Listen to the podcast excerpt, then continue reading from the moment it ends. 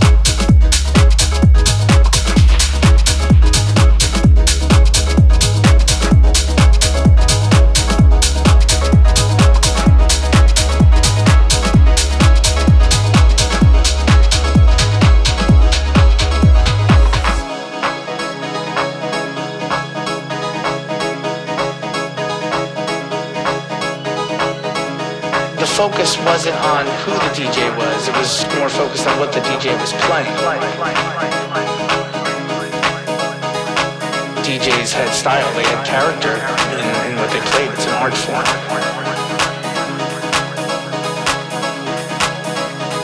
Going to the club was a place where they could kind of just escape it all. You know, lose themselves in an audience that accepted them for who they are. It was really about the music. And that's what was being shared. And I think that's why there was tracks that would speak about love and music and unity because, you know, that's what house music represents. That's the heart of house music.